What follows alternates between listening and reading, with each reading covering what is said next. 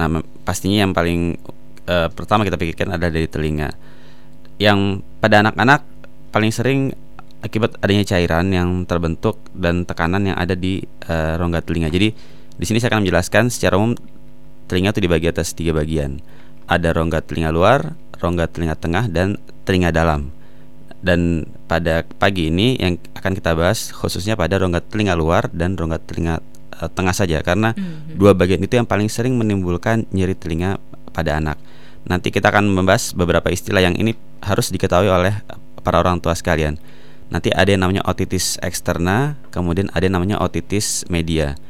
Otitis eksterna dan e, timbulnya di rongga telinga luar, sedangkan otitis media sesuai dengan namanya ya, hmm. itu timbulnya di rongga telinga tengah. Misalnya ada kalau kita ambil di rongga telinga tengah, ada cairan yang terbentuk kemudian tekanannya meningkat akibat rongga telinga tengah ini terhubung dengan hidung, dengan rongga hidung. Mungkin waktu kita masih SMP SMA ingat ada namanya tuba eustachius. Mm-hmm. yaitu satu rongga eh, satu saluran yang menghubungkan antara rongga hidung dengan rongga telinga tengah. Artinya di sini ketika seorang anak katakanlah sedang pilek apakah dia terkena influenza common colds atau misalnya dia memiliki alergi yang kemudian dia bersin-bersin dan uh, banyak mengeluarkan ingus cairan ini bisa masuk ke rongga telinga tengah. Dan ini akan menimbulkan uh, cairan yang apa meningkat di dalamnya dan kemudian tekanannya juga mengalami perubahan. Apabila terjadi proses peradangan dia akan menimbulkan rasa nyeri. Itu hanya salah satu uh, penyebab saja di rongga telinga tengah. Kemudian kalau di rongga telinga luar misalnya anak-anak yang ser sering berenang hmm. atau katakanlah habis uh, mengorek-ngorek telinganya apabila ada iritasi di dinding telinga itu juga akan menimbulkan peradangan dan uh, akan menimbulkan rasa nyeri pada telinga ya secara umum dua hal itu bisa menyebabkan nyeri pada anak. Itu pada penyebabnya ya. Yeah. Nah, kalau sebelum uh, lihat penyebabnya, mengetahui penyebabnya, kita juga harus tahu tandanya dan gejalanya seperti apa sih dok? Mungkin kalau misalnya pada uh, orang dewasa itu kan lebih mudah ya nyeri telinga gitu kan. Kalau misalnya yeah. sudah berenang juga itu kan lebih mudah ada air di telinga kita kan. Yeah. Nah, tapi kalau untuk uh, anak kecil, mungkin untuk balita, ini seperti apa gejalanya? Anak kalau kita bedakan nanti ada dua ya, ada bayi dan balita. Yeah. Ada yang sampai umur satu tahun, kemudian satu tahun sampai lima tahun. Lima tahun. Hmm. Pada anak yang pada bayi, mereka belum bisa melokalisasi nyeri secara jelas. Artinya, ketika timbul nyeri kita tidak tahu pasti apakah ini dari telinganya atau bukan. Mungkin kita akan melihat misalnya eh, anak ini tanda dan gejalanya dia menarik-narik telinganya atau mungkin senang apa memegang-pegang terus telinganya kemudian dia ada uh, menangis terus ketika harusnya tidur malam tidak bisa tidur rewel hmm. tanpa penyebab yang jelas bisa disertai dengan demam juga paling sering pada batuk pilek dan yang paling jelas kalau sampai sudah keluar cairan dari telinga atau mungkin bahasa yang di Jakarta bilangnya conge nah, hmm, itu ya congean hmm. itu tanda-tanda dan gejala anak yang uh, nyeri telinga. Uh, dan ini juga bisa bervariasi pada anak yang tadi pada pada bayi mereka tidak bisa menunjukkan lokasi nyeri secara pasti sedangkan pada yang sudah lebih besar mereka sudah bisa mengeluh kepada orang tuanya telinga sakit atau bahkan mereka sudah bisa mendeskripsikan ada bunyi berdenging di telinganya hmm. kemudian menjadi apa agak pusing kepalanya itu memang uh, berbeda-beda pada setiap anak tapi secara umum seperti itu tanda dan gejalanya tanda dan gejalanya seperti itu ya. Dan uh, kemudian ini kan uh, kalau pada anak menarik telinga, ini kadang-kadang misalnya telinga karena gatel atau apa, kita harus melihat maksudnya uh, lebih spesifik seperti apa ya dokter ya? Apa memang gejalanya sama misalnya uh, rewel kemudian narik-narik telinga atau ya hanya sekedar narik-narik telinga saja dan kemudian kalau berat badannya uh, tetap kemudian tidak uh, merasa kesakitan atau apa itu apakah juga kita harus curiga ya dengan gejala itu? Iya menarik telinga ini paling sering ditemui pada anak di bawah usia 3 tahun pada bayi tahun, bayi ya? dan batita artinya mereka kadang tidak uh, bicara masih belum jelas masih belum bisa menjelaskan sakitnya seperti apa mereka hanya menarik-narik kemudian menangis pada bayi apabila hal ini terjadi tidak harus penyebabnya dari telinga bisa dari misalnya gigi yang sedang tumbuh nah sering kali hmm. disertai dengan demam jadi ketika anak ini uh, memegang-pegang telinga terus, mungkin tidak menarik ya, apalagi kalau uh, masih di, di bawah enam bulan, tapi sepertinya tangannya tuh mau bergerak ke telinganya, kemudian Karena dia, koordinasinya juga belum jelas ya. ya. Apa uh, masih motorik halusnya Motoriknya. masih hmm. belum bagus. dia akan seperti menarik-narik telinganya, kemudian e, menangis terus tanpa kita tahu apa penyebabnya. Bisa jadi tidak harus dari telinga, tapi dari gigi yang sedang tumbuh. Atau karena kalau misalnya bayinya sering memegang-pegang telinga, tapi dia tidak ada keluhan e, seperti tidak seperti tampak kesakitan, tidak menangis, tidak ada demam, mungkin ini satu kebiasaan yang buat dia menarik. Bayi kan suka hmm, hmm. dengan mengenali bagian-bagian tubuhnya yang mungkin buat dia dia itu adalah satu pembelajaran baru. Jadi bisa jadi bukan satu penyakit sama sekali, tapi dia memang sedang menyenangi hobi barunya memegang-megang telinga. Dan tetap kemungkinan yang terakhir dipikirkan adalah memang benar-benar ada nyeri telinga, apalagi kalau sudah jelas sampai ada keluar cairan dari telinga. Anak ini eh, ke, apa tampak menarik-narik telinga tapi disertai dengan batuk pilek yang tadi saya bilang ada rongga yang menghubungkan antara hidung dengan telinga tengah sehingga ini bisa uh, memastikan jangan-jangan anak kita memang nyerinya berasal dari telinga dengan tanda dia memegang-megang atau menarik-narik telinganya. Iya, dan kemudian dokter Apin ini e, kalau e, nyeri telinga ini khusus pada anak ya. Kalau e, kita bicara soal otitis media akut, katanya umumnya terjadi pada anak-anak ya. Itu kenapa sih dok? Ya, hmm. um, ini dilihat secara anatomi atau bagaimana posisi dari organ tubuh anak yang sedikit berbeda dibandingkan dengan dewasa. Um, tadi saya katakan ada namanya tuba eustachius yang menghubungkan antara rongga hidung dengan rongga telinga tengah.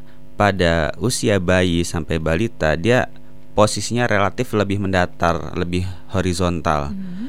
Artinya ketika ada cairan, ada ingus, ada lendir di hidung, dia akan lebih mudah untuk mencapai rongga telinga tengah dibandingkan dengan dewasa. Artinya ketika dia dewasa, dia akan semakin lama relatif lebih naik ke atas, lebih menukik, lebih vertikal. Hmm. Sehingga cairan pun akan sulit untuk naik uh, ke telinga tengah. Ini yang menyebabkan mengapa otitis media atau radang di rongga telinga tengah lebih sering dan lebih mudah terjadi pada anak dibandingkan pada dewasa. Itu yang pertama. Yang kedua, anak ada yang memiliki kebiasaan minum sambil berbaring uh, di sini uh, bukan dalam artian minum um, ASI tapi minum susu botol. Kadang-kadang minum sampai dia ketiduran. Nah, mm-hmm. posisinya berbaring. Ini tentu akan lebih uh, relatif lebih horizontal lagi antara rongga hidung dengan rongga uh, telinga tengah dan juga rongga mulut kan ada, ada THT ya, telinga hidung tenggorok. Sehingga ini juga akan memudahkan cairan untuk bisa masuk ke rongga telinga tengah. Maka untuk hal ini jangan biasakan anak untuk minum sambil uh, tiduran atau sambil berbaring usahakan posisinya lebih relatif lebih duduk lebih tegak apalagi pada anak yang sudah uh, sering mengalami uh, otitis media ini dicegah jangan sampai dia posisinya uh, berbaring jadi itu juga yang uh, bisa mempengaruhi ya dokter ya, yeah. uh, yang berisiko ya anak-anak yang suka uh, minum susu sambil berbaring ya. Tapi kemudian kalau uh, penyebabnya ini bisa apakah memang karena tadi yang dokter sebutkan atau bisa jadi misalnya ada virus atau bakteri yang uh, menyebabkan uh, otitis media itu? Otitis media kalau dilihat sebagian besar itu akibat virus. Hmm. Um, kenapa demikian? Karena paling sering berbarengan dengan perbarengan atau didahului oleh common colds atau batuk pilek yang lagi-lagi sebagian besar oleh virus. Maka apabila ada infeksi pastinya oleh virus bukan oleh bakteri. Itu juga sebabnya uh, selain itu juga ada hal lain misalnya namanya rinitis alergi atau alergi hmm. bersin-bersin setiap pagi itu juga bisa menyebabkan otitis media itu sama sekali tidak ada penyebab faktor infeksi, tidak ada virus, tidak ada bakteri, tapi hanya akibat dari faktor alergi saja. Nah, apabila timbul pada batuk pilek yang kita eh, yakini berasal dari virus, maka tidak harus buru-buru memberikan pengobatan berupa antibiotik tentunya karena antibiotik hanya diberikan pada infeksi akibat bakteri dan pada penanganan otitis media sendiri dalam panduannya itu um, kita tidak harus langsung memberikan pengobatan antibiotik tapi dilihat dulu selama 24 sampai 48 jam. Apabila katakanlah nyeri telinganya tidak mereda, kemudian apalagi sampai keluar cairan dalam 48 jam, maka itu baru dipikirkan untuk memberikan antibiotik. Tapi kalau tidak seperti itu, tidak perlu memberikan apa-apa, cukup diberikan obat untuk mengurangi keluhannya saja. Apabila dia apabila mengalami keluhan nyeri, rewel, boleh diberikan pereda nyeri atau analgetik misalnya diberikan paracetamol. Kalau masih rewel terus ya dokter oh, ya. Kalau masih rewel terus atau katakanlah uh, kita melihat dia terus-menerus memegang telinganya, tampak gelisah, demam, boleh memberikan kompres, kompres air hangat ke telinganya. Langsung ditekan dengan handuk basah yang air hangat. ke mana tuh posisinya tuh? Di Posisinya di tepat di, de, di depan telinganya. Di depan telinga nah, jadi ya. Men, uh, hmm. seperti menempel ke pipi ke jadi menutupi seluruh telinga uh, sedikit ke pipi, sedikit ke bagian belakang kepala dan samping kepala. Dan itu akan meredakan nyeri ya? Iya, hmm. akan mengurangi nyeri pada nyeri telinga pada anak. Iya, warga kota silakan untuk anda yang akan menanyakan ini soal nyeri telinga pada anak, anda bisa sampaikan melalui pesan pendek saja sekali lagi di 0812 118 8181. Jangan lupa anda sertakan nama dan alamat singkat anda. Warga kota kita akan terus membahas soal nyeri pada uh, telinga anak anda. Kita akan uh, membahasnya lagi nanti setelah jeda berikut. Udah pulang, Pak? Iya nih, buru-buru pengen ngopi.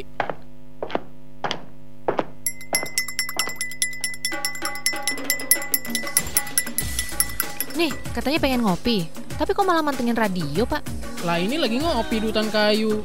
Pokoknya dari Senin sampai Jumat, majalah udara kopi sore ini mesti jadi program wajib kita. Di sini ada perbincangan tema-tema aktual. Terus ada interaktifnya kan? Ada juga penyiar tamu kan? Nah kalau kopi yang itu sih dari dulu juga ibu udah selalu dengerin. Oh gitu, luar biasa ibu ini. Pantas ibu nggak pernah ketinggalan informasi. Eh, kopi buatan ibu tadi masih belum diminum kan? Cocok nih buat nemenin kopi sore di hutan kayu. Kopi sore, nantikan setiap Senin hingga Jumat pukul 16.30 sampai 19 di FM 89,2 Radio Hutan Kayu. Pemilihan Gubernur Jakarta 2007 segera tiba. Dapatkan berbagai liputan aktual seputar pemilihan gubernur di Jurnal 21. Partai Demokrat DKI Jakarta melaksanakan musyawarah kerja daerah. Punya banyak uh, keunggulan dibanding gabungan sejumlah partai untuk menghadapi pilkada Jakarta. Terhadap pendidikan misalnya, tentu kita gubernur dan pasangannya yang akan diusung koalisi akan berjalan secara alot dan panjang. Simak pula berbagai peristiwa penting selama sehari, baik dalam maupun luar negeri. Di Jurnal 21, Anda pun bisa menyampaikan pendapat secara interaktif. Jurnal 21, tiap hari pukul 21.06 waktu Indonesia Barat di FM 89,2 Utan Kayu. Anda merindukan seorang figur Gus Dur? Jadi kalau orang iman tapi sikapnya begitu namanya mendua. Gus Dur yang kaya pemikiran. Jadi antara menjadi komunis dan ngerti komunis itu beda. Gus Dur yang memberi pencerahan. Pergi ke Mekah untuk umroh dan haji, pulangnya tetap korup. Atau Gus Dur yang gemar melempar lelucon. Ribut, nggak boleh poligami. Saya sendiri yang kawin dua. Nah, Anda bisa simak di program Kongko bareng Gus Dur, gratis dan terbuka untuk umum tiap Sabtu pukul 10.06 waktu Indonesia Barat di Kedai Tempo, Jalan Utan Kayu 68H. Di Jakarta, Kongko bareng Gus Dur mengudara di FM 89,2 Utan Kayu. Eh bos, lu udah gila nih mau nyalonin gubernur Jakarta? Emang gua udah tambang gila Ya apa? iyalah, ngurus RT aja lu udah setengah gila, apalagi Jakarta.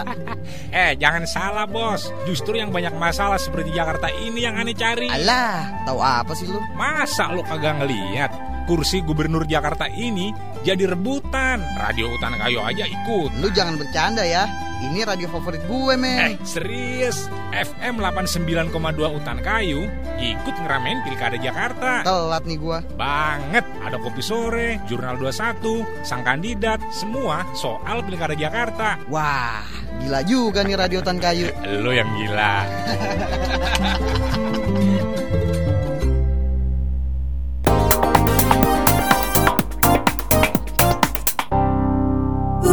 Hutan Kayu Warga kota masih di FM 89,2 Radio Tan Kayu, radio yang mendengar Anda dan silakan untuk Anda yang akan menyampaikan komentar eko komentar ini pertanyaan. pertanyaan Anda silakan Anda bisa sampaikan melalui pesan pendek ke 0812 1188181. Dokter Apin ini sudah ada pertanyaan dari Ibu Wati yeah. uh, di Jakarta ini menyampaikan, "Dok, kalau tadi disampaikan mengorek telinga ini juga bisa menyebabkan uh, nyeri telinga pada anak, bagaimana cara mengorek telinga telinga yang tepat ini untuk membersihkan kotoran pada anak kita? Silakan dokter Afin. Ya, um, pada anak kita harus yang jelas bukan dia sendiri yang mengorek ya. Artinya oh iya, sampai umur, apalagi masih bayi. Hmm. Em, di sini bahkan sampai usia katakanlah usia SD pun kita kalau bisa mas- masih kita yang membersihkan telinganya. Usia SD ya? Iya. Hmm. Eh, tetap menggunakan biasa ya eh, cotton bud eh, kapas memang digunakan untuk em, membersihkan telinga dan di sini kita harus memastikan cahaya yang benar-benar terang. Mungkin Hmm. sering kali kita eh, kan telinga itu gelap Di kamar agak gelap apalagi di gitu ya. kamar Hmm. kemudian pencahayaannya juga kurang dan kita em, dengan perasaan gitu mengira-ngira sampai sedalam apa nah tidak bisa seperti itu kita harus menggunakan kalau perlu menggunakan seperti lampu sorot atau senter itu di langsung diposisikan di depan telinganya. Hmm, Kalau kita kesulitan melakukannya, kita bisa minta apa asisten atau pendamping. Misalnya eh, ibu minta kepada suaminya untuk eh, bapaknya memegang senter, kemudian ibunya membersihkan. Dan di sini lebih baik menggunakan yang kepalanya itu kecil. Jadi lebih memungkinkan untuk membersihkannya se- secara optimal. Kalau kepalanya besar, kita tidak bisa mungkin baru masuk cotton budnya itu Sudah. seluruh lubang telinganya sudah Mm-mm, tertutup ya. Nah, kalau kecil masih dilihat dan memang di sini tidak perlu eh, dalam-dalam dilihat di- eh, caranya dengan dari pinggir dulu, dari lateral, dari dinding kemudian berputar, bukan dari tengah, tapi dari pinggir sampai kemudian eh, agak ke dalam. Tapi kalau di sini juga dilihat bagaimana pola serumennya atau pola kotoran telinganya. Ada yang relatif kering. Eh, kering itu sangat sulit untuk dibersihkan dengan, dengan cotton bud. Ada juga yang lengket, begitu masuk sedikit langsung Nempel menempel ya. kotorannya. Di, di sini juga harus diperhatikan pada anak-anak yang memang kotorannya cenderung kering sehingga dia benar-benar menutupi dan ini selalu berulang-ulang, kita mungkin membutuhkan bantuan berupa eh, cairan, namanya cairan gliserin untuk eh, mengencerkan kotoran telinganya. Sehingga kita sudah sesudah encer baru dibersihkan dengan cotton bud. Atau di sini eh, kalau perlu dengan ada ada ada alat namanya pinset, pinset tapi yang memang ujungnya Yang ujungnya ta- tumpul ya. ujungnya tumpul dan dia memang kecil sehingga bisa masuk ke telinga. Namun kalau eh, ragu-ragu jangan melakukan sendirian. Lebih baik dibawa ke dokter nanti em, akan alat yang lebih apa bagus untuk membersihkan telinga bahkan kalau perlu ada namanya suction itu untuk menyedot kotoran telinga yang sifatnya padat dan menutupi. Jadi di sini eh, lakukanlah dengan prinsipnya lakukanlah dengan hati-hati dan sebisa mungkin ketika membersihkan kotoran telinga, telinga itu dalam keadaan kering. Jadi jangan langsung habis mandi dibersihkan, tapi dibersihkan dulu dengan hand- handuk, dengan handuk yang handuk biasa eh, sampai ya kita yakin itu kering, baru dibersihkan dengan cotton bud. Hmm, itu kenapa dok? Tidak boleh eh, ketika sudah mandi begitu. Em, kan di sini kita mencari yang relatif lebih kering. Hmm. Ketika lebih kering akan memudahkan untuk me- Diambil me- ya? melengketkan Hmm. kotoran ke cotton bud itu. Dan di sini kan sifatnya kapas itu menyerap air. Kalau air di luar kotoran telinganya juga sudah banyak, nanti dia akan lebih dulu terisi penuh dengan air dari sisa mandi bukan dari kotoran telinga sehingga kita harus menggunakan eh, kapas baru berkali-kali dan itu tentunya lebih boros dan di sini em, yang lebih basah itu kadang-kadang juga tidak optimal ketika kita sudah selesai mengeringkan yang sisanya masih basah di dalam itu akhirnya jadi kering lagi jadi kotoran baru lagi gitu Hmm, ya. Dan kalau misalnya kalau pengalaman pribadi ya, kalau saya suka melihat misalnya eh, eh, apa namanya, kalau kotorannya masih kelihatan, Iya. itu tidak apa-apa kita ambil ya. kalau kotoran Kalau masih kelihatan begitu, mm-mm. iya Dari ini ya, dari apa namanya?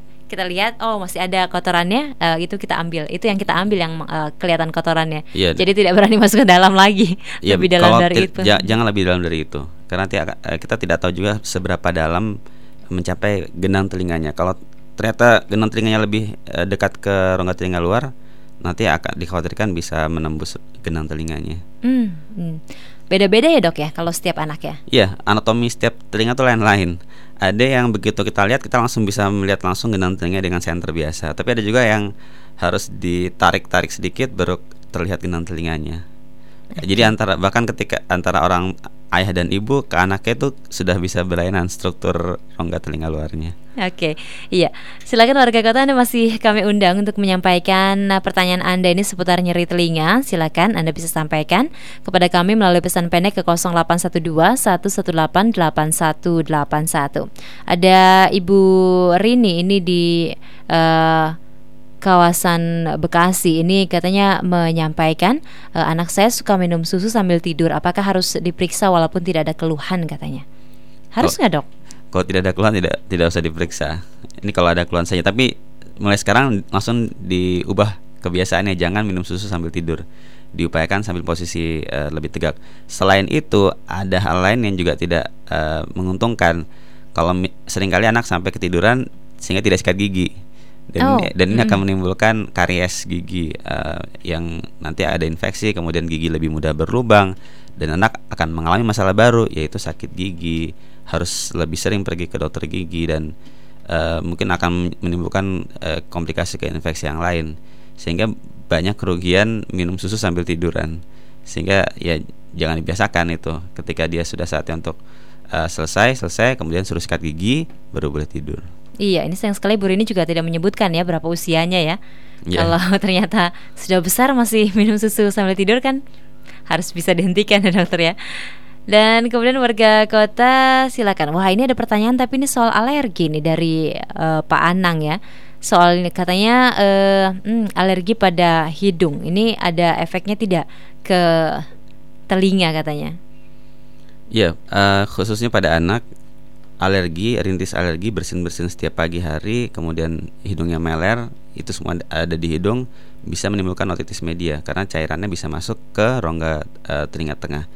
Jadi ketika tanpa penyebab seorang anak e, keluar cairan dari telinganya, artinya ada gendang telinganya sedikit berlubang sehingga air atau cairan mengalir dari rongga telinga tengah ke rongga telinga luar dan anak ini memiliki rintis alergi sudah bisa dipastikan penyebabnya dari rinitis alergi sehingga harus ditangani dengan cara meng menghindari apa pencetusnya. Kalau misalnya pencetusnya akibat e, debu, maka kita harus memastikan di kamar si anak tidak ada barang-barang yang berpotensi untuk menyimpan debu atau rajin membersihkan dengan lap basah di seluruh e, ruangan sehingga tidak ada debu.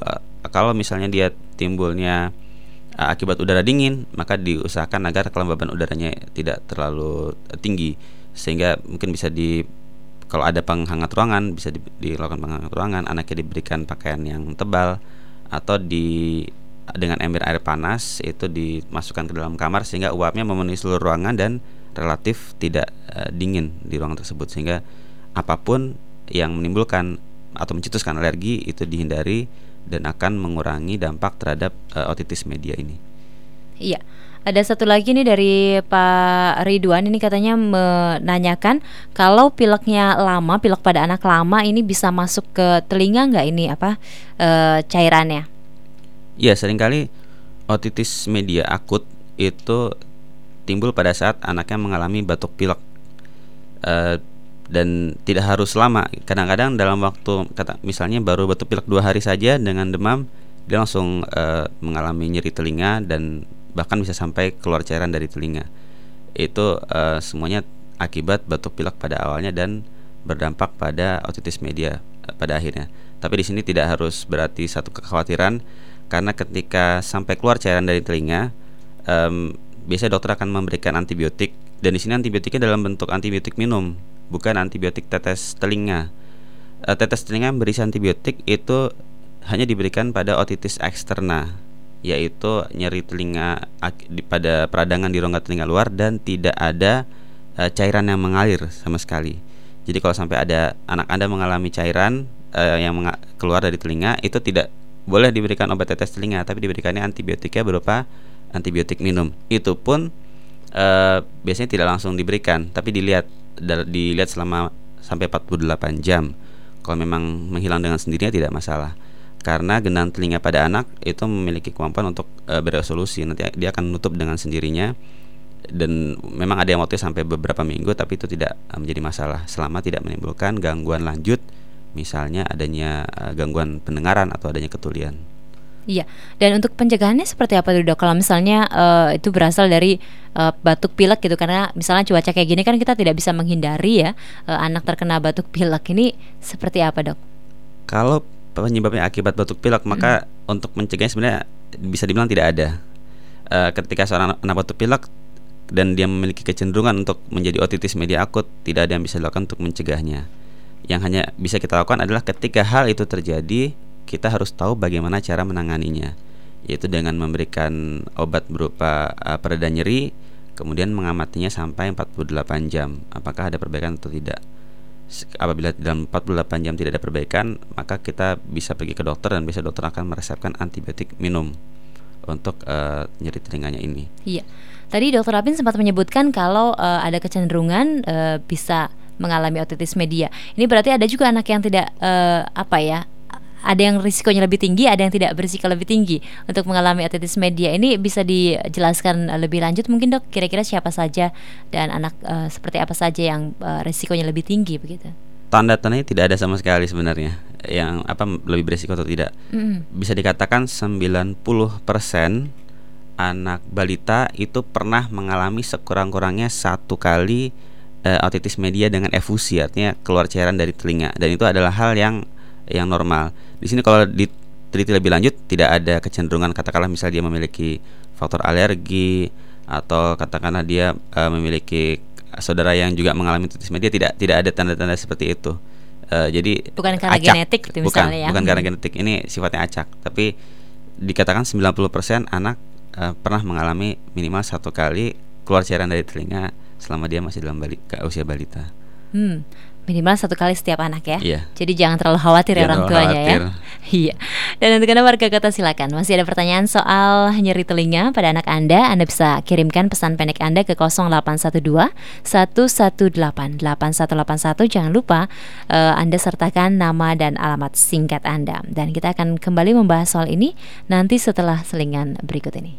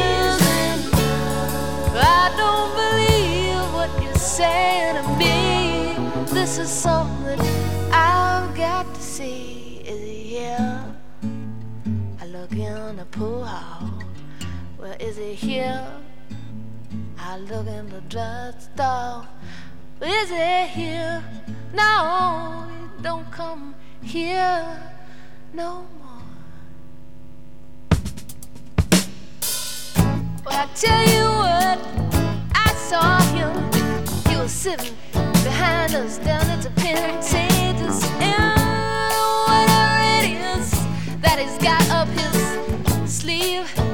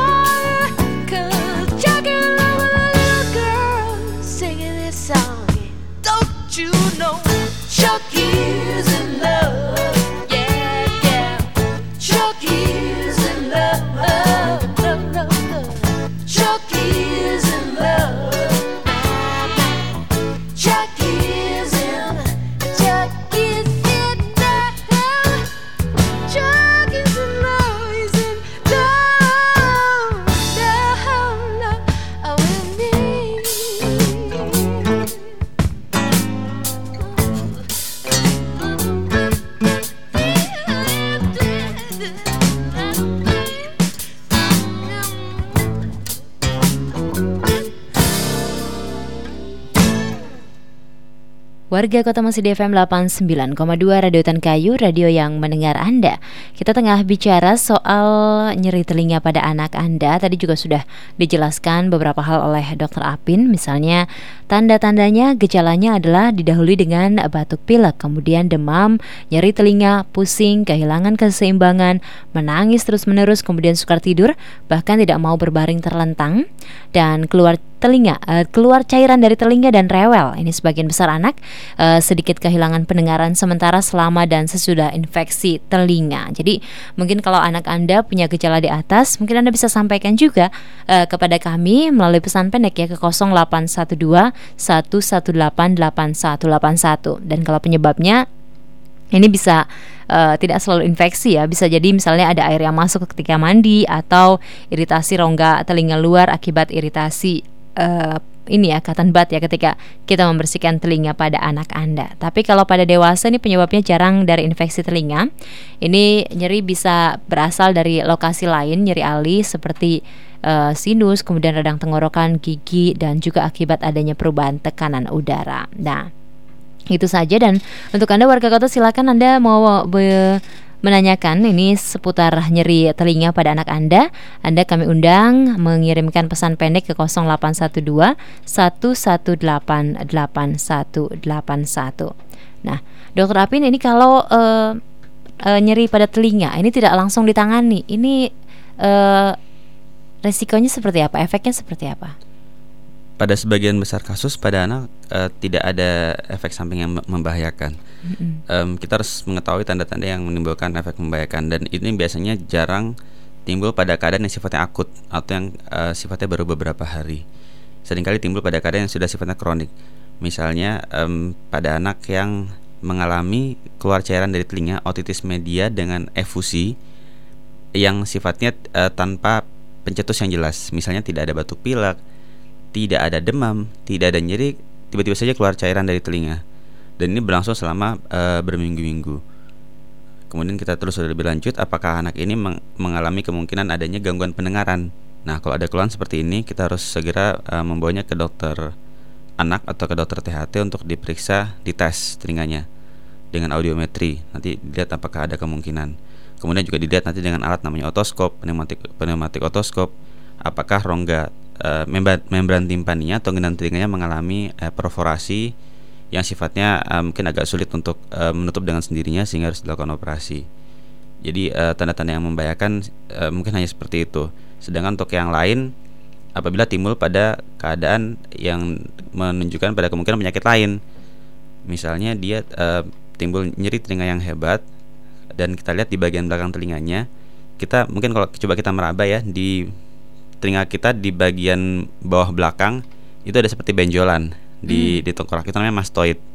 Nah, kalau sampai ada peradangan di daerah mastoid yang namanya mastoiditis, nah itu juga satu hal yang harus mendapatkan penanganan segera oleh dokter. Biasanya akan diberikan antibiotik pada awalnya, kemudian akan diperiksa lebih lanjut, akan dilakukan uh, foto ronsen kepala untuk melihat apakah memang ada infeksi di mastoid. Karena infeksi di, di mastoid ini uh, beresiko untuk memicu uh, penjalanan ke daerah lain di uh, selaput otak sehingga ini uh, contoh infeksi telinga yang menimbulkan komplikasi yang membahayakan. Tapi kondisi-kondisi seperti ini seperti saya bilang tadi di awal sangat jarang terjadi. Ini hanya pada sebagian kecil kasus saja, sebagian besar tidak menimbulkan masalah yang berarti. Iya.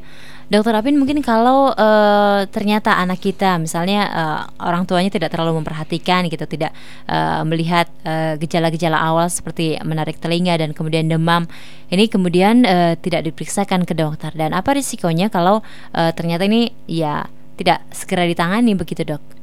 Ya risikonya tadi um, jangka panjang bisa ada gangguan pendengaran. Itu jangka panjangnya ya? Iya. Mm -hmm. um, dan ini akan butuh terapi yang lebih lanjut. Dia akan mungkin akan butuh terapi wicara karena anak yang mengalami gangguan pendengaran biasanya juga akan mengalami gangguan bicara. Apalagi yang timbul pada uh, periode tumbuh kembang pada usia lima tahun pertama. Iya. Ada Ibu Riza, Dokter Apin. Ini katanya uh, menanyakan soal dirinya sebetulnya. Katanya telinganya berdengung terus, sering sakit kepala, juga gatal, dikorek-korek kadang bengkak. Wah, ini obat apa katanya perlu dipakai? Ya, Harusnya dari, penyebabnya kenapa dulu ya? Iya. kalau dari keluhan yang disampaikan sepertinya ini uh, ada otitis eksterna. Jadi adanya peradangan di rongga telinga luar dan dipicu akibat eh, mungkin mengorek-ngorek telinga secara tidak benar. Jadi mungkin Suka iseng gitu ngorek telinga gitu. terlalu agresif, terlalu Terlalu dalam, semangat. eh, terlalu semangat, em, dan ini menimbulkan perlukaan, kemudian meradang, dan dia akan membengkak.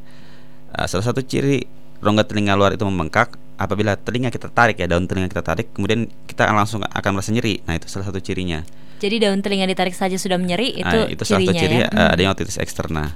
Pada dewasa itu eh, kita bisa merasakan sendiri, tapi kalau pada anak ya tergantung umurnya bagaimana dia mendeskripsikannya. Kemudian bisa timbul rasa berdengung memang. Eh, salah satu ciri pada dewasa adanya tinnitus atau telinga berdengung. Kadang bisa bunyi ngung, bisa bunyi nging. Bukan karena diomongin orang begitu kan? Eh, kecuali dia mengalami halusinasi auditorik.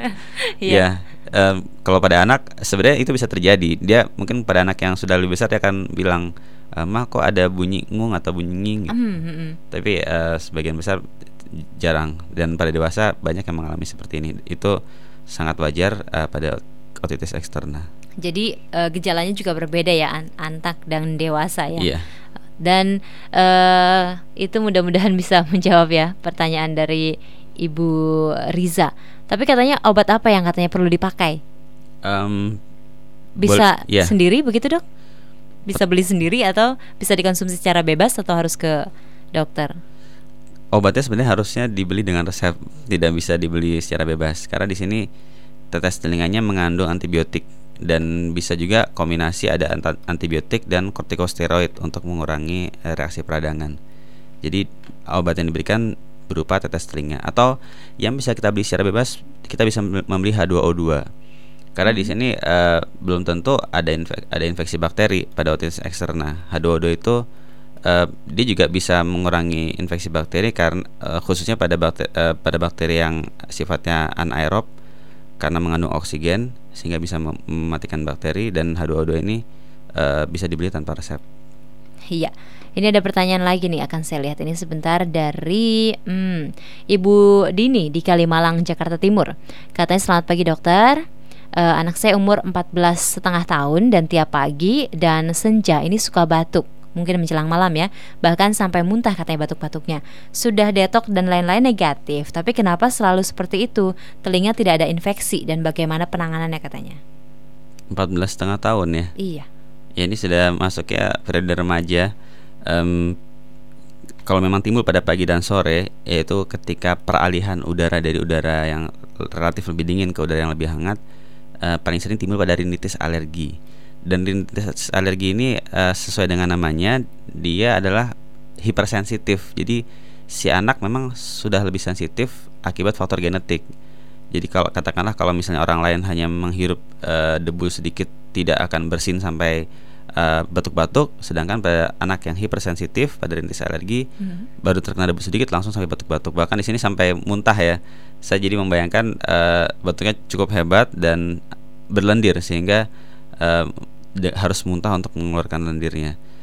Bisa saja dan ini bisa timbul tanpa keluhan di bagian tubuh yang lain dengan rongga telinga yang normal dan harus dihindari apa pencetusnya maka harus tahu persis apa sih pencetus pada anak ini dan kalau memang sudah menimbulkan gangguan yang berat bisa dilakukan tes alergi untuk memastikan apa pencetusnya sehingga bisa dihindari. Oke iya. Dan warga kota yang lain silakan masih kami terima pertanyaan dari Anda Sampai nanti pukul 8.30 waktu Indonesia Barat. Anda silakan kirimkan ke 0812 118 8181 Dokter Apin tadi sempat menyebutkan juga ini kalau eh, pencegahan. Itu pencegahannya eh, seperti apa saja Tapi tadi baru saja menyebutkan misalnya soal eh, Kalau misal alergi dicegah dari hal-hal yang pencetus alergi. Nah ini kalau misalnya untuk radang telinga ini pencoba eh, pencegahannya seperti apa dok? Nyeri pada telinga ini? Eh, yang pertama pada bayi Mhm. harus diberikan ASI secara eksklusif selama enam bulan. Itu sudah terbukti di eh, seluruh negara bahwa memberikan ASI eksklusif sel- sel- selama enam bulan itu sangat mengurangi risiko terjadinya otitis eh, otitis media. Jadi tidak sampai keluar cairan bahkan tidak ada cairan keluar dari telinga pada anak yang asinya eksklusif. Katakanlah walaupun dia mengalami eh, batuk pilek. Hmm, kenapa itu bisa terjadi misalnya bisa dijelaskan lebih lanjut? ASI mengandung berbagai imunoglobulin. Jadi eh, daya tahan tubuh artinya ketika bahkan ketika anak yang sedang asik eksklusif itu ya orang tua pasti banyak yang mengalaminya jarang yang mengalami batuk pilek Mm-mm. sehingga kalau tidak ada batuk pilek maka tidak ada radang telinga tengah tidak ada otitis media Eh, penjelasannya dari situ dan juga eh, mekanisme meng- menghisap asinya sendiri juga lain ya dengan eh, Botol ya. botol, Mhm. Eh, di sini kan anak tuh harus menghisap dengan kuat kalau tidak menghisap ya asinya tidak akan keluar sedangkan kalau botol kadang-kadang kalau posisinya anaknya berbaring telentang Dia sudah tanpa dihisap keluar dia ya. netes menetes sendiri dan tanpa sadar tertelan tertelan tertelan dan bisa menimbulkan otitis media cara lain untuk mencegahnya adalah dengan eh, pada orang tua yang bekerja, ibu yang bekerja, kemudian menitipkan anaknya di tempat penitipan anak dan pilih yang tidak terlalu ramai, karena semakin banyak anak di situ, satu anak sakit akan mudah menularkan ke anak yang lain, sehingga di sini menghindari pencetus berupa batuk pilek atau common colds yang akan berakibat pada otitis media. Tadi pada anak yang alergi menghindari paparan terhadap pencetusnya, kemudian pada anak yang minum susu botol usahakan tidak memberikannya dalam posisi tidur atau berbaring tapi eh, pada posisi yang lebih tegak eh, bahkan duduk Duduk ya. Mm. kemudian pada anak yang eh, pilek itu ya diusahakan agar hidungnya ketika basah ya kita keringkan gitu dengan handuk eh, atau di- dibersihkan dengan tangan kemudian di- dikeringkan dan satu lagi yang sangat penting dan mungkin sering dilupakan jangan merokok di dekat anak Wah, karena radiusnya berapa meter tuh, Dok? rokok itu eh, bisa sampai 10 meter radiusnya. Jadi hmm. kalau memang Harus jauh-jauh ya. Kalau perlu merokoknya di RT sebelah atau di RW sebelah baru boleh ngerokok. Hmm. Karena di sini asap rokok itu sangat iritatif eh, pada selaput lendir di saluran pernapasan dan ini akan mengiritasi tuba eustachi sehingga akan memungkinkan timbulnya otitis media yang lebih sering pada anak yang bapaknya merokok tanpa membelikan anaknya di dekat situ. Hmm, hmm, hmm. Jadi memang harus ya jauh-jauh dari anak ya dokter ya Iya, kalau memang betul. masih mempertahankan em, ini ya kebiasaan merokoknya.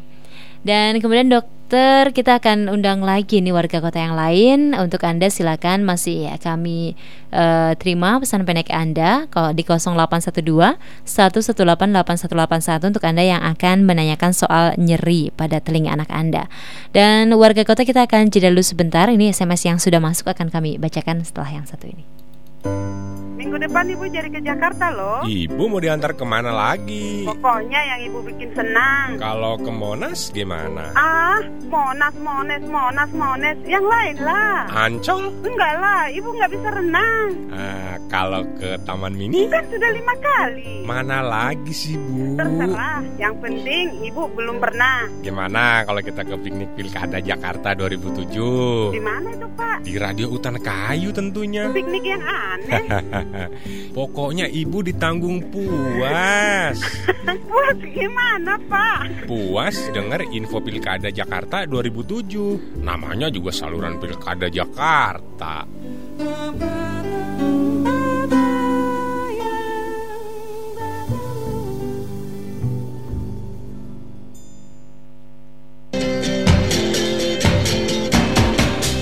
Street Fighting Man adalah lagu tentang pergolakan sipil di Eropa dan Amerika pada tahun 1968. Protes mahasiswa bergolak di London dan Paris, juga Amerika.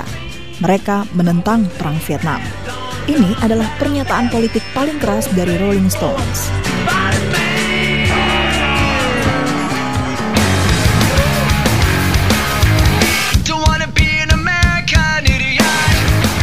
American Idiot adalah tonjokan Green Day di muka George Bush, Presiden Amerika. Ditulis si penyanyi Billy Joe Armstrong di tengah geger pro kontra di media tentang Perang Irak. Belakangan, arus penentang George Bush dalam Perang Irak bertambah panjang. Rock in Rabu, cuma di Hutan Kayu, malam jam 10.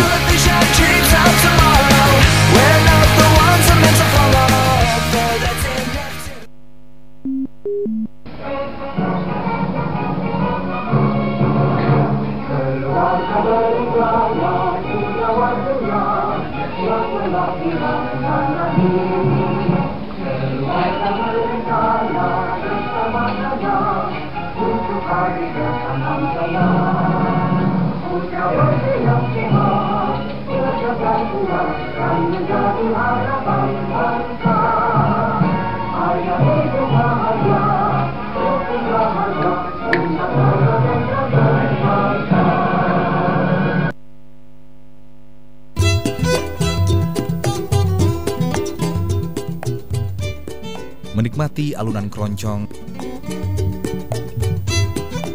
dan berbincang mengenai banyak hal tentang Jakarta, Bookingannya petugas aja yang kadang-kadang nggak tahu jam berapa caranya segala macam. Makanya Ya atau kan? cangkangnya yang paling besar itu adalah CO2 dengan H2O itu. Tapi yang pasti Dri Hilman, aku kan juga tidak hanya mendaftar IPKB. Pokoknya pancingnya banyak disebar begitu ya.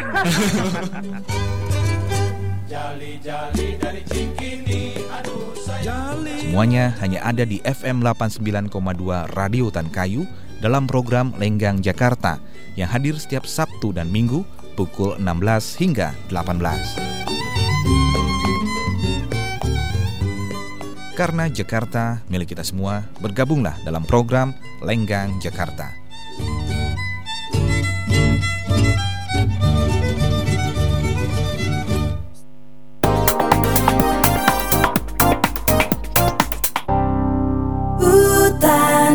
Hutan kayu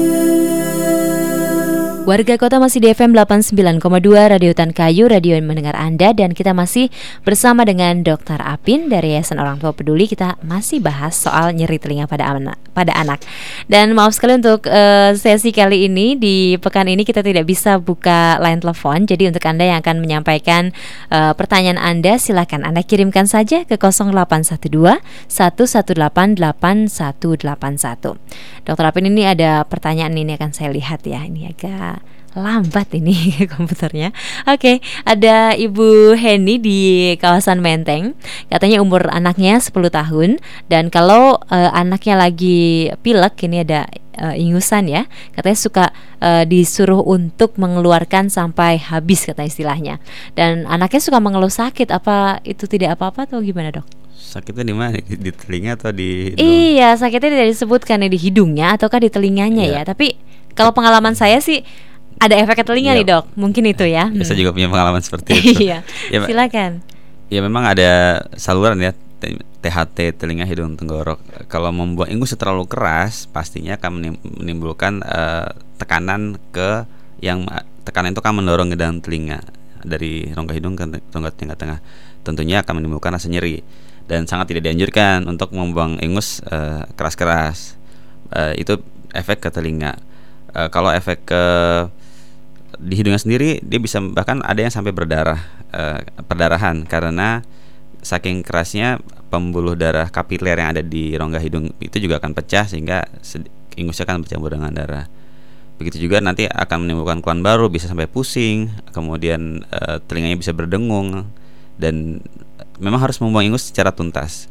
Em, apalagi pada orang yang mengalami rinitis alergi karena bisa menimbulkan komplikasi lain seperti sinusitis. Hmm. Eh, banyak sinusitis yang terjadi pada orang dengan rinitis alergi akibat cara membuang ingusnya salah. Di sini membuang ingus harus bersih, an- lubang hidung kanan dan lubang hidung kiri, tapi jangan keras-keras. Pelan-pelan saja juga sudah bisa keluar kok. Kalau memang kental ya jangan di- terlalu dipaksakan. Eh, sebisa mungkin nanti kan ini ketika dia sudah mengumpul lagi dibuang seperti Mhm. itu. Iya, jadi jangan dipaksakan ya dokter Apin ya intinya ya. Iya. Iya, dokter tadi kalau misalnya ngomongin soal tekanan, nah ini soal tekanan udara. Ini kalau eh, misalnya kita naik eh, pesawat gitu kan dengan anak kita, ini apa yang harus dilakukan nih? Karena eh, tekanan udara eh, ketika eh, pesawat eh, akan take off itu apakah juga akan mempengaruhi dan membuat radang eh, telinga ya, menyebabkan radang telinga? Ya memang eh, perubahan tekanan udara akan mengubah tekanan udara yang ada di dalam rongga eh, telinga karena tubuh selalu berusaha untuk mencapai keseimbangan. Eh, jadi tekanan dalam rongga hidung dan telinga tengah tubuh eustachi itu sebenarnya fungsi untuk menyamakan eh, keseimbangan tekanan udara. Maka pada bayi yang dibawa eh, dengan pesawat terbang ketika pesawat take off biasanya disarankan untuk eh, menyusui bayinya. Karena di sini eh, gerakan menyusui itu akan sambil minum atau menelan akan menyamakan terus-menerus tekanan udara sehingga tidak eh, menimbulkan rasa tidak enak. Pada anak yang lebih besar, pada balita itu bisa di kalau bisa me- menghisap permen, Hmm. dia bisa menghisap permen. Bahkan kalau bisa mengunyah permen karet, dia boleh mengunyah permen karet. Ya, pada anak yang lebih besar atau minum susu susu botol atau minum minum yang lain. K- sampai menimbulkan otitis media atau menimbulkan radang telinga tengah secara teori memang bisa menimbulkan perubahan tekanan udara tapi hampir tidak ada yang gara-gara naik pesawat perubahan tekanan sampai kemudian tiba-tiba keluar cairan itu sangat jarang sekali. sangat jarang ya. Iya. Jadi tidak perlu khawatir. Jadi dicegah saja dokter ya tadi dengan eh, penjelasan dokter tadi Iya. ya, makan Jadi atau lebih- misalnya diberi ASI. Hmm. Lebih ke arah untuk eh, menghindari rasa tidak nyaman pada anak ketika eh, pesawat take off atau landing. Iya. Dan dokter Apin, ini kalau kita lihat, kita melihat gejala pada anak seperti apa, kemudian eh, kapan sih sebaiknya kita harus eh, pergi ke dokter dan apakah memang harus rutin juga untuk pergi ke dokter kalau misalnya anaknya pernah mengalami radang telinga? Ya. Em, yang harus dilakukan pertama adalah eh, menunggu saja. Istilahnya eh, wa- watchful waiting, dilihat wait and see sampai 24 jam, 48 jam. Kalau anak kemudian katakanlah demam mereda, tidak mengeluh nyeri lagi ya sudah didiamkan saja. Tapi kalau sampai 48 jam keluhan menetap atau bahkan sampai timbul keluar cairan dari telinga itu segera dibawa ke dokter. Tapi kalau tidak ada tanda-tanda seperti itu eh, tidak perlu. Dan eh, jangan terburu-buru memberikan antibiotik pada anak yang eh, kita pastikan memang dia mengalami radang, radang telinga kalau masih di bawah 48 jam karena eh, 90% akan sembuh dengan sendirinya.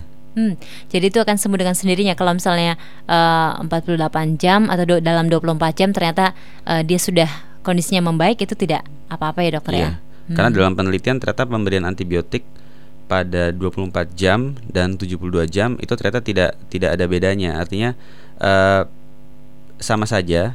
Bahkan di sini yang dikhawatirkan adalah efek samping berupa resistensi antibiotik.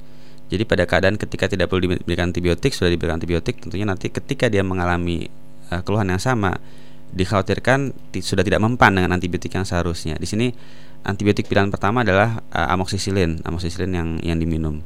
Dan kita tidak bisa menebak karena pola perubahan kuman itu cepat sekali. Kadang-kadang ketika diberikan amoxicillin sudah tidak mempan dan harus diberikan golongan lain yang lebih luas spektrumnya dan itu tentunya kita tidak menginginkannya. Hmm, Iya. Dan ini soal tadi pergi eh, ke dokter ya. Tapi kemudian kalau soal obat, tadi kan dokter Abin sempat menyebutkan soal antibiotik. Tapi kemudian eh, misalnya soal kompres air hangat juga tadi disebutkan. Nah kalau misalnya meneteskan sesuatu, misalnya eh, obat-obatan yang lain, ini obat-obatan tradisional, ini boleh tidak sih dok? Dan kapan waktu yang tepat untuk memberikannya? Pada keadaan ketika masih dalam 48 jam pertama pe- diberikan obat pereda nyeri dulu. Di sini obatnya minum ya. Eh, misalnya eh, paracetamol yang diminum boleh eh, kemudian meng- mengompres air hangat di telinga, boleh meneteskan eh, tetes mungkin di setiap daerah ada tetes tradisional sendiri. Iya. Tapi kalau baca di kepustakaan di luar negeri mereka biasa menggunakan olive oil apa eh, minyak zaitun atau minyak sayur atau garlic oil eh, dan itu boleh diberikan dengan syarat tidak ada cairan yang keluar dari telinga. Jadi boleh memberikan tetes telinga tapi dengan syarat tidak boleh ada cairan yang keluar. Karena ketika keluar cairan telinga kemudian diberikan tetes telinga itu justru akan memudahkan kuman yang kita tidak tahu ada di dalam tetes telinga tersebut masuk sampai ke rongga telinga tengah dan ini tentunya akan menimbulkan efek samping yang dikhawatirkan lebih berbahaya. Hmm. Jadi catatannya adalah eh, boleh memberikan tadi seperti minyak zaitun. eh, kemudian kalau dokter Apin juga menyebutkan ini ya bawang putih, Eh, iya. minyak bawang putih ya, atau Iya. minyak sayur. Iya. Ini eh, boleh diberikan asalkan tidak ada cairan yang keluar Keluar dari telinga. telinga ya. Mm-mm. Dan eh, itu kemudian ini ada pesan pendek lain sebetulnya dari Ibu Neni ya. Tapi ini Ibu Neni eh, lebih pada alergi debu katanya. eh, soal pencegahan juga untuk radang telinga. Tadi sebenarnya sudah disampaikan ya tapi akan saya bacakan saja. Ini katanya eh, alergi debu kalau pilek eh, sesudah bersin bersin dua jam kemudian katanya eh, minum amoxicillin ya dan paracetamol kemudian minum lagi 6 jam kemudian dan eh, ada efek eh, tidak dan bagaimana perawatan sehari-hari ini ada efek tidak dengan eh, telinga saya katanya Iya, alergi debu tidak ada hubungannya dengan antibiotik. Di sini Mhm. tidak ada faktor infeksi bakteri, jadi ya sangat tidak tepat untuk memberikan amoxicillin pada alergi debu. Eh, paracetamol juga diberikan kalau memang ada keluhan nyeri saja atau, Atau demam ya, sampai Dok, ya? demam. Hmm. Kalau tidak ada ya tidak perlu diberikan sama sekali. Eh, cukup pastinya ketika debunya sudah dihindari, dia akan berhenti dengan sendiri bersin-bersinnya. jadi rajin bersih-bersih saja mungkin ya catatannya ya Iya, untuk dan- menghindari debu itu Dan ya ketika bersih-bersih boleh menggunakan masker kalau memang sangat sensitif dengan debunya. Iya, itu sering saya lakukan dokter. Kalau bersih-bersih di rumah, ini pasti selalu pakai slayer untuk menutup hidung, hmm, untuk mencegah debu masuk ya. ya, itu saja warga kota dan dokter Apin. Ini ada catatan terakhir mungkin yang perlu disampaikan berkaitan dengan nyeri telinga dan pencegahannya eh, kepada warga kota. Silakan dokter. Ya, em, nyeri telinga pada anak lagi-lagi pada semua keluarnya ada pada anak yang harus diperhatikan adalah apa penyebabnya, bukan langsung memberikan eh, penanganan. Kemudian paling penting adalah eh, melakukan eh, watchful waiting. Jadi wait and see. Anaknya diobservasi saja, ditangani apa yang menjadi keluhannya. Jadi eh, meredakan gejala, tanda dan gejala. Tidak usah memberikan antibiotik secara buru-buru. Karena pada sebagian besar kasus nyeri telinga eh, bahkan kalau misalnya sudah pergi ke dokter kemudian dilihat ada peradangan di telinga tengah atau otitis media dalam 48 jam itu akan mereda dengan sendirinya. Kalau lebih dari 48 jam masih ada keluhan, baru boleh memberikan antibiotik dan di sini catatannya antibiotiknya berupa antibiotik minum. Dan untuk tetes telinga itu diberikan eh, pada keadaan otitis eksterna atau pada keadaan di mana tidak ada keluar cairan dari telinga. Jadi jangan sampai salah. Ketika anaknya congkean kemudian diberikan obat tetes telinga, itu tidak tepat. Yang Akan harus- memperparah ya. Iya, eh, di situ ada risiko eh, kalau kita tidak tepat memberikannya justru cairan itu akan terkontaminasi oleh kuman dan yang paling penting adalah mencegahnya yaitu dengan memberikan ASI eksklusif eh, selama enam bulan dan jangan merokok dekat anak. Oke. Kalau bisa jangan merokok sama sekali. Iya. Terima kasih banyak dokter, dokter Apin dan kita bertemu lagi pekan depan ya. Ya insya Allah. Insya Allah pekan depan kita ketemu lagi dan warga kota terima kasih. Kita langsung saja bergabung ke KBR 68H untuk menyimak Asia Calling. FM 89,2 Utan Kayu segera bergabung dengan KBR 68H.